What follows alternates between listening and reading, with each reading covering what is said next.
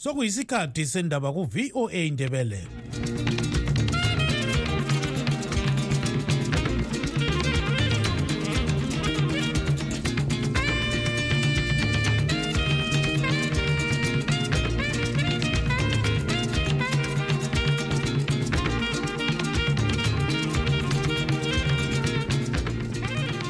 lami ngibonge utanono kawande obesipha indaba ngolimi lwesishona. Lingalivuka njani zulukandaba? Olamukela emsakazweni westudio 7 ngolwesibili mhla ziku-2 zibandlela 2024 ngochris gande. Endabeni zethu lamhlanje umnyaka uqala abanye bezibuza ukuba ulo esiwusungule kuyona le iviki uzaba lobubelo na kwezombusazwe? Ngabe ukuthi abantu bezimbabwe bayasa kulevuli lokuthi bake bakhohlwe ngolimi abalukhulumayo mhlawumbe besingabona ipolitical party power. Manje ngendaba zokuthi ibandla ukuthi likhokliselwe ngamadoda kumele lisuke esigabeni esithile kumele libe based eharare. Icele lebandla le-mrp ebelifuna ukutshengisela lamuhla phezu kodaba lokukhwezwa kwemali yamapasipoti lincitshwe imvumo yokutshengisela ngamapholisa izalandelwa na inkuthazo yomanyano we-health world health organization eyokuthi abantu bengaxhawulani emfeni njengenye yendlela zokuzivikela kumkhuhlane wekholera zonke lezi ndaba lezinye lizozizwa khonapha emsakazweni westudio 7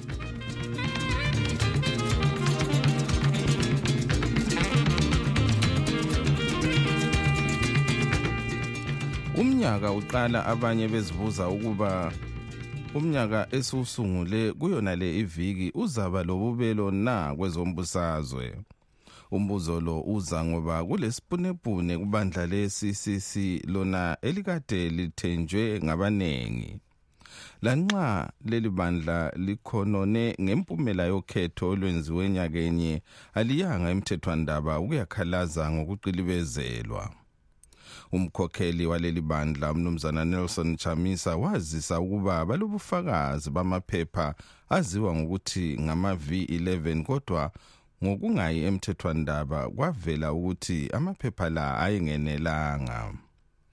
Kuthe ngokuya kwesikhathi kwavela umnumzana sengezo chabangu ozithi ngunobhala jikelele webandla waxotsha amalunga aleli bandla edale lephalamende elesenate lamakhansila. Athi bakhethwa ngudlu. Ukuhlaziya lolu daba sixoxe lolandela izombusazwe umnumzana cassius jas simanampofu.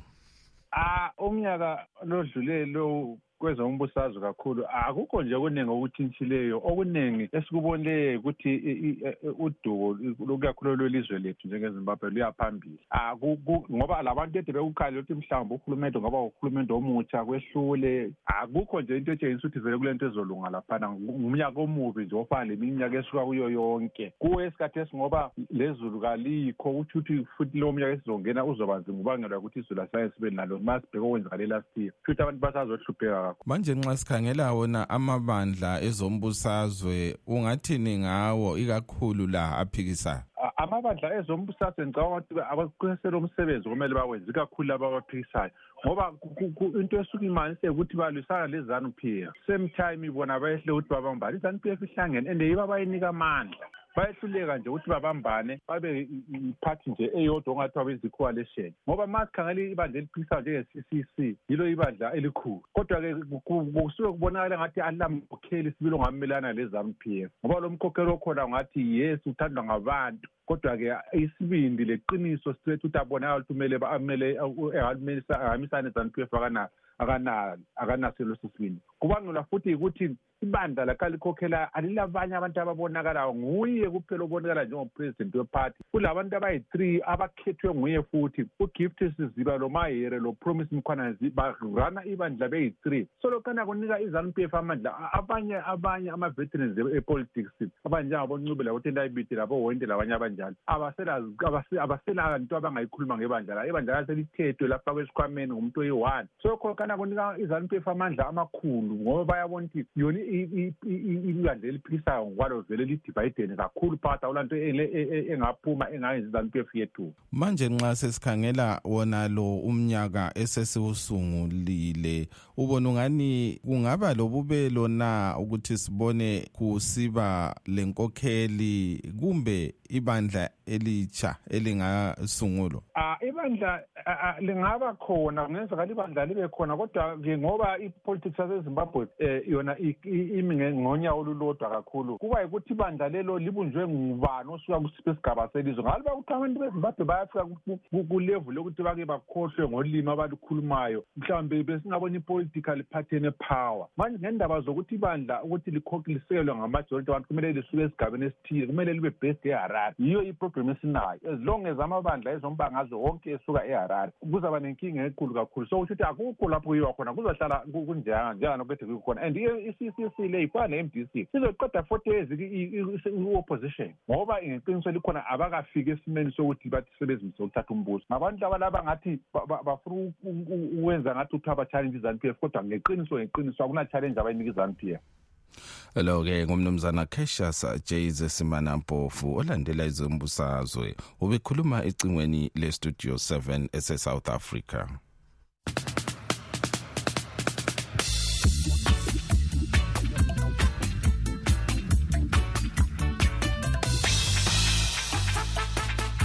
icele lebandla le-mrp ebelifuna ukutshengisela lamuhla phezu kodaba lokukhwezwa kwembadalo yamapassport lincitshiwe imvumo yokutshengisela ngamapholisa. Umholi wamapholisa esabelweni sebulawayo central uchief superintendent vinkomo ephendula isicelo sebandla le-mrp uthe abalobanga isicelo sabo ngendlela efunwa ngamapholisa.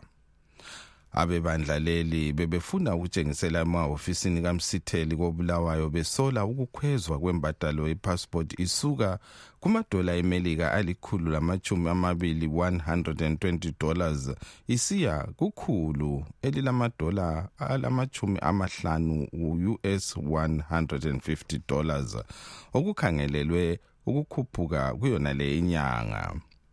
Sixoxe lomunye wabagcina isihlalo baleli bandla umnumzana mudenda chilumbo bonga baba Chris Gande siyabonga kakhulu. Eh into ekhona ngeyokuthi eh ipolice yeZimbabwe is a partisan police iarmy yeZimbabwe is a partisan army izeki yezimbabwe is a partisan electoral commission ijustice yezimbabwe is a partisan justice system. So what i understand within the context of the constitution ukuthi the constitution is so broad than the concept of imob amapholisa bapha ngokusinika incwadi yokuthi um i-demonstration yenu yamhla ka-two yajanuary ayimeet ama-requirements awemopa imopa and i-ipa kumbe iphosa kajonathan azichiyananga so those are thus, they are just ama-establishment to infringe our constitutional rights. So thina we are saying nxa bafuna ukuthi i-passport ibe ku-150 us dollars simply because bafuna ukuyothengela ama MPs awezanu PF ama-land cruiser. It's unconstitutional. We have got many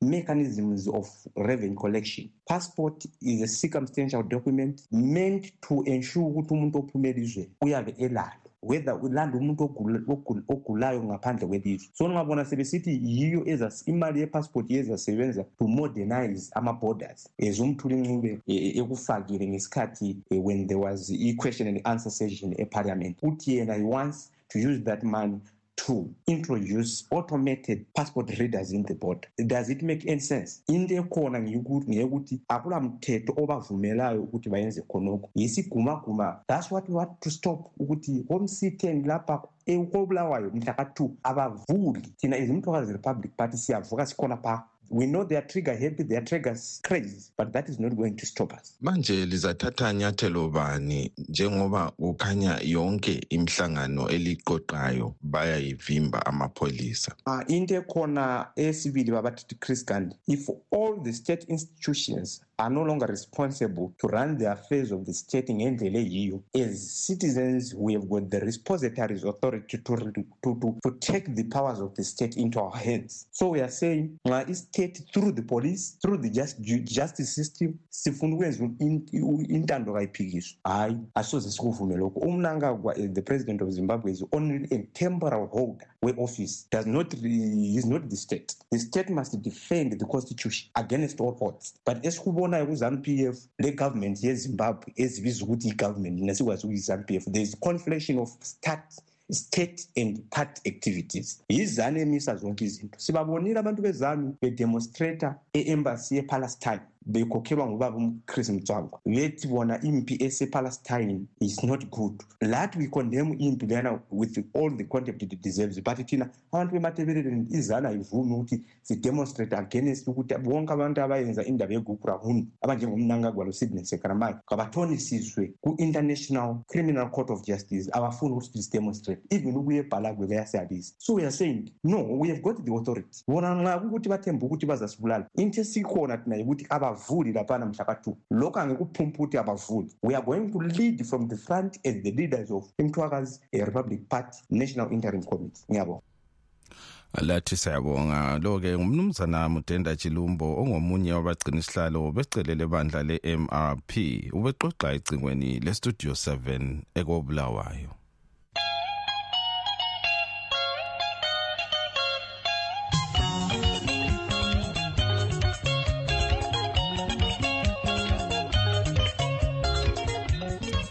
izalandelwa na inkuthazo yenhlanganiso ebona ukulondolozwa kwezempilakahle emhlabeni jikelele eyi-world health organization eyokuthi abantu bengaxhawulani emfeni njengenye yezindlela zokuvikela umkhuhlane wekholera inhlanganiso ye-WHO ngeviki edluleyo ikhuthaze uzulu weZimbabwe ukuthi athathe amanyathelo okuzivikela kukholera ngokuthatha amanyathelo ambalwa afana lokuchiyana lemikhuba efana lokuxhawulana ezimfeni lakweminye imibuthano efanayo ngalesi sikhathi sekhefu.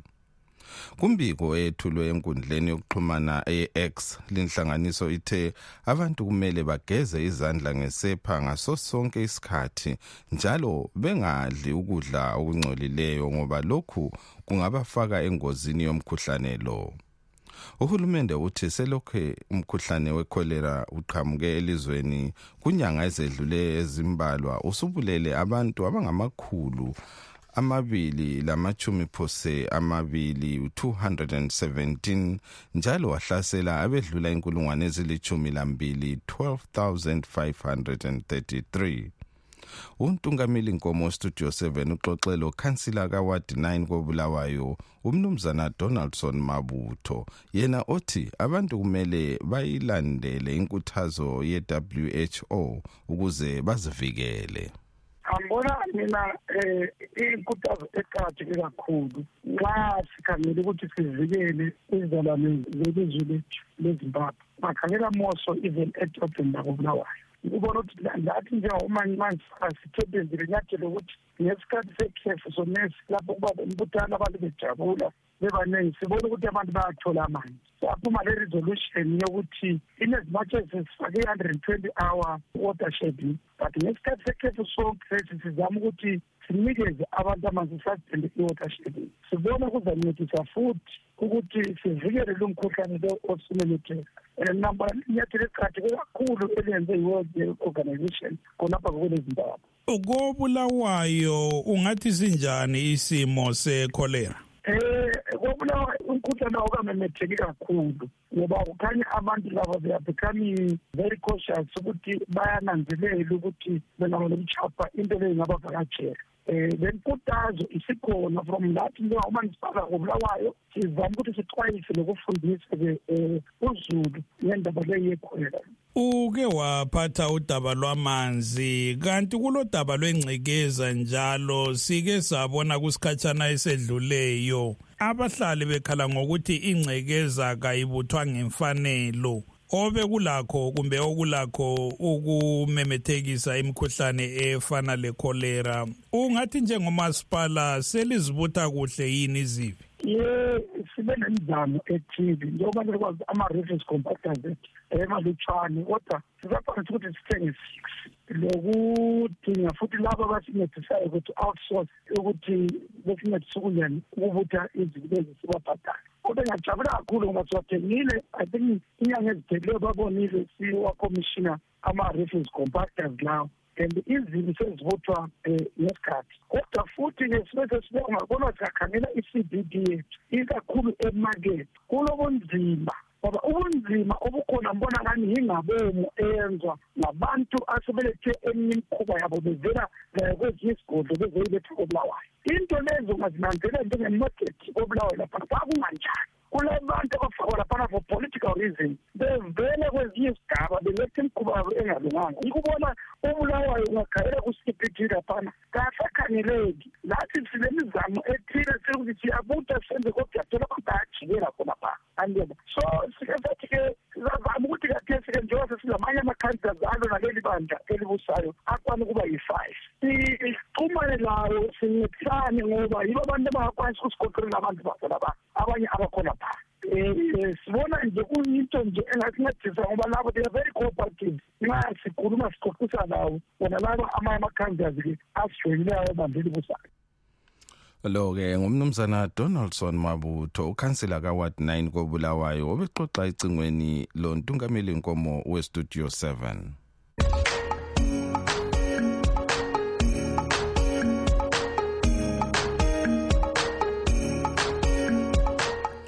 okwamanje sengidedela emuva ngilichiya ezandleni zenu lina balaleli bethu kumbiko elisithumele nge-whatsapp.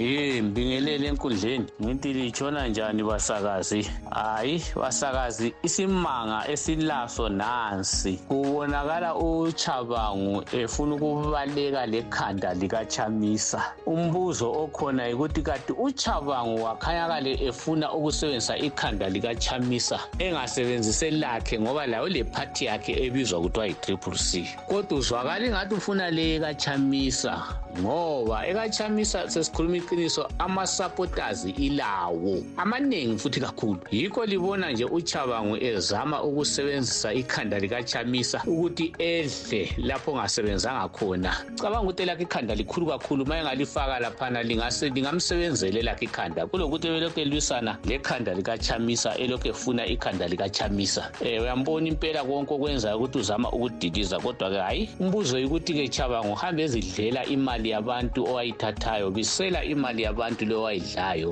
bisela imali yezano leyo owayidlayo ngoba lokho okwenzayo ngelinye ilanga lapho kuzadubuka khona kuzokuchiya mpela umangele chabangu. Siyabonga amazimbabwe amahle sithemba lingene kahle eminyakeni omutsha ka-2024 siyabonga sithemba ukuthi soqhubeka inkosi sigcinile njalo sibonisana um sinikezana imbono ngekusaselicha lezimbabwe. Siyabonga abasakazi bethu bestudio seven.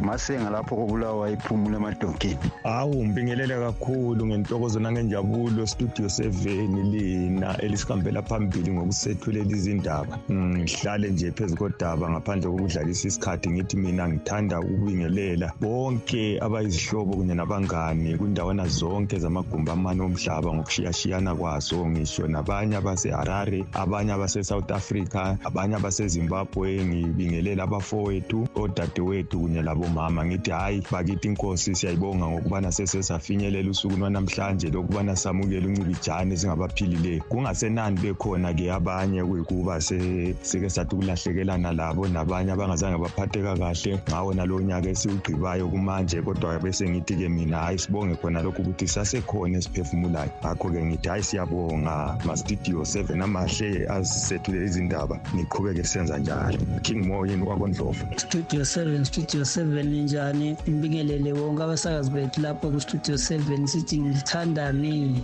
ngiyaphila kodwa kwindawo zonke zomhlaba ngabe niyaphila khona ngapha e-america liphile kubo-dubai liphile kubo-zimbabwe liphile ngapha e-south africa nabo-south botswana ngiyababingelela. Igama nguphathuma uphethe lapha ekwite empandeni kwesikasigola isigaba. Ngiyaphila ngiyaphila ngithi ngiyababingelela bonke ngibingelele umama wakwami ekhaya. Laphana entsholotsho ngiyababingelela bonke abafowethu abasemazweni. Ngithi ngilithandani nonke niweni nakumusha. Studio 7 studio 7 siyabonga abaphathi behlelo siyabonga kakhulu sigqibe umnyaka omutsha philile umlimi usigcinile ye noma bakhona abantu abanjengochabango abangafuni izinto ziphumelele kodwa siyacela lo mnyaka omutsha umlimi asinika amandla. Konke abakwenzayo kubi abantu bayabumba bona bayadiliza. Ye umlimi esinika amandla ukuthi siphumelele. Lathi sifuna nje ilizwe lakithi liphumelele liqale kutsha siqale umnyaka omutsha yonke into ibe ntsha. Siyabonga kakhulu studio seven labaphathi behlelo. Sibonga bonke abantu abafike lowo mnyaka siphile. Abanye abawufikanga lowo mnyaka siyabonga kakhulu. Sithi phambili ngohlelo lwenu lokubambana abantu babambane. Lapho bakhona balwe belwela into eyodwa. Hliphizano kuphele ezimbabwe into esiyikhangeleleyo esifuna ukuyilungisa leyo. Ukuthi sonke amaphathi wonke abambane sikhiphizano siyabonga kuphela umlimi asinika amandla singapheli umoya siyabonga. Studio 7 studio 7 basakazi bethu abahle kakhulu siyalibingelela. Eh ngisithi engathi lingangena kakuhle enyakeni omtsha eh nathi siyanxusa ukuthi uNkulunkulu asikhokhelele nalapha abantu bajabula khona izizalwane zonke zasezimbabwe. Eh sijabule kodwa sibuye sizigade sizilimite singene eminyakeni omtsha siphilile siqale iziqalo ezintsha eh ngokwentando kaNkuluNkulu. Ngiyawabonga amazwi kancube lo bekhuluma ku-studio 7 amazwi akhe mahle kakhulu amazwi akhe ayakha. Sanibonani bathwakazi abahle yayi siyabezwa omalakhi inkomo lapha babekhuluma ngendlela eh abakhuluma ngayo bathi bona abekubona bacindezela eh amalungelo abantu eh futhi bona abaphuli ilungelo lomuntu. Yebo siyakuzwa baba umalaki inkomo uyakhuluma kusho ukuthi thina eh njengamanje sesizocela ukuthi ustudio 7 akakhulume eh nominister wamapolisa uPaul Nyathi akachaze imithetho esetshenziswayo kuconstitution. Ngoba lokho sikubonayo abantu mabayokhankasa sokuvele kufika amaphoyisa babachithiza babadudula kuthiwa abekho emthethweni. Kanjani? Ngoba i-permission letter bazoba bayitholile. Bahamba nge-permission letter kodwa kumane kufike nje amaphoyisa abachithize bathi abafuna lokhu so angithi amaphoyisa wona kumele eze laphana azolinda azolinda udlakela ngimali uzoqala hhayi ukuthi bavele bafike basuse abantu bathi alikho emthethweni. Yinto leyona le elwisa abantu futhi elwela ngamabandla aphikisayo ngoba akulona ilungelo lokuthi eh amaphoyisa afike ahlukumeze abantu. So sicela yena uPaul Nyathi lo mkhulu wamapholisa eh bo studio 7 wike nikhulume naye sizwele ngendlebe zethu ukuthi kanti imithetho yakhe yena ihamba njani? Ngoba siyakubona phela kuyenzeka kodwa abebandla eliphikisayo elibusayo bathi bona kusibona eh into zamaphoyisa lezo. So sicela lo ubaba lo akakhulume lapha ku studio 7 silalela yep yep yep yep yep yep yep new Africa man ngiyabonga studio 7 indaba zenu ngazonke izikhathi. Inkosi lihusise ngomnyaka omutsha niqhubekele sinike izindaba ezimnandi. Ngelela bonke abangaziyo ethi ngegama lenkosi iphilane libusiseke. Ngeke nengane zami ubuhle benkosi khumalo intombi zinhle khumalo intombi futhi khumalo. Nodumelo khumalo ngiyalibusisa ngegama lenkosi yethu jesu salibonani salibonani salibonani kwestudio 7 bingelela abasakazi bonke kwestudio 7 ndabalaleli sithi yephinyuye unyaka omutsha. Ngibingelele logogo wami khona lelibhane ngwalongwalo bancipha umpholisa ngisithi njani gogo wami lapho? Ngene njani unyaka omutsha labana bami bonke lapho? Hhayi siyabonga siyabonga siyabonga. Studio 7 studio 7 siyabonga balaleli abahle basakaza abahle nabalaleli eh okokuqala kanti icala leli legugu rawundi lizothoniswa kanjani ekubeni um kwakwawumuntu beyenza into waphinda belijaji ayiphume ezandleni zezinduna lo mntango wakho ayiphume iye kwabazimele bakithi. Bantu bakithi okwesibili gqugquzelani ukuthi sizimele bantu bakithi liyekela nento zam.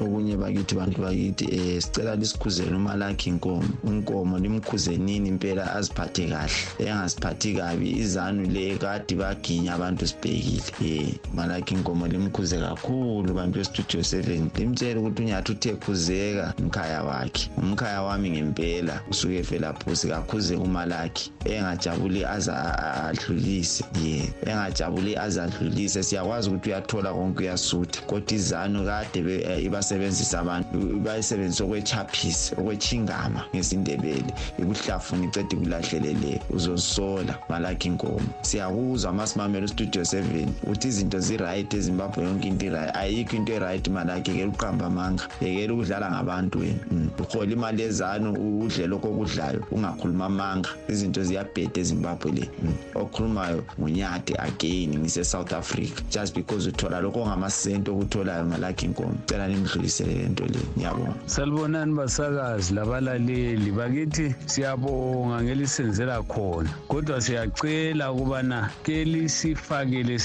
lisichasisele sizwisise kuhle. Sizama ukulendelela indaba le ephethwe lapho lithe lathola amaqiniso cela libe lisichathekela ngoba asizwa kuhle asiyizwisisi njalo sicina sesizwa amanga lamaqiniso thina siloyisa ukuthi isadakhi ayikhokheli ukuthi kwenziwe ama-elections amatsha ezimbabwe. Ngiyabonga. Lathi siyabonga lawo ke abengamazwi enu lina balaleli bethu elisithumele nge-whatsapp kunombolo ezithi plus 1 202 465 0318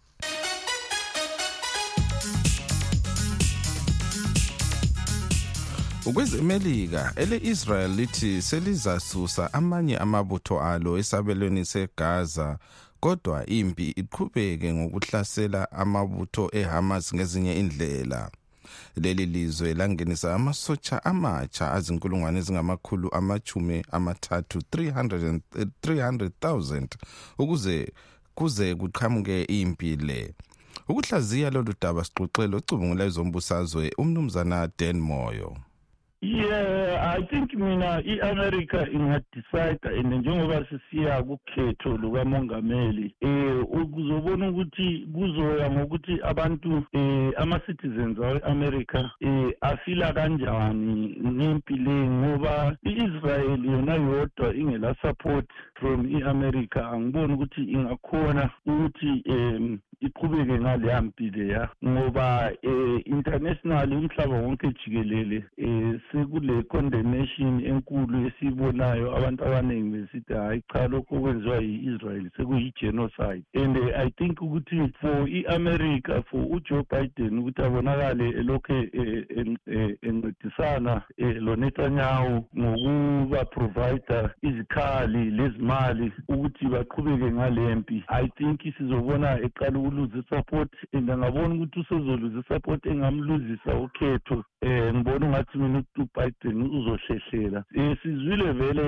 um elokhethi ku ku-israel eh, eh kumele batshintshe indlela abalwisana ngayo le hamas. Bayekele into yabo le ukuphomba ukubhomba all over bebulala lama-innocent civilians ukuthi mabazame ukuthi babe more strategic eh kule mpi batargete ama-terrorist ewe-hamas eh bengabulali izakhamuzi ezingenacala ubona ngani udaba lwempi yona le e-israel le-hamas luzaba lomthelela na kukhetho lona lo esilukhangeleleyo wona lo mnyaka? Yeah definitely kakhulu ngoba um sibone abantu abaningi bekhankasa bedemonstrata emadolobheni amaningi la e-america eh abaningi bakhona eh besupporta eh ukungabulawa kwabantu base-palestine. So silabantu abaningi abathi bona joe biden sakuvotela thina um sengisho abantu abalapha e-america abaphuma emazweni ase-middle east khona ngale kubo-palestine bathi but biden sakuvotela kodwa le nto osuyenza uvumela unetanyahu ukuthi abulala abantu bethu angeke sisakuvotela. And then on the other hand sibona futhi abaningi abakhankasayo on the side ye-israel. Besithi i-israel ilelungelo lokuthi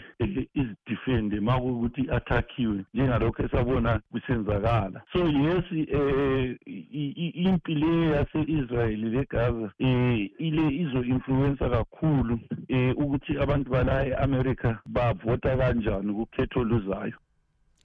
Lo-ke ngomnumzana denmoy ocubungula ezombusazwe ubekhuluma ecingweni lestudio 7 ekhona pha kwelemelika. Singakagqibi uhlelo lwethu lwalamhlanje ke sikhangele ezinye zenhloko zendaba ebezikhokhela. Umnyaka uqala abanye bezibuza ukuba umnyaka esiwusungule kuyona le iviki uzaba ulobubelo na kwezombusazwe. Icele lebandla le-MRP ebelifuna ukutshengisela lamuhla phezu kodaba lokukhwezwa kwamapassport lincitshwa imvumo yokutshengisela ngamapholisa. Silugqiba ke lapha uhlelo lwethu lwalamhlanje olivalelisayo igama nguchris gande ngisithi asidibaneni njalo kusasa sikhathi sinye.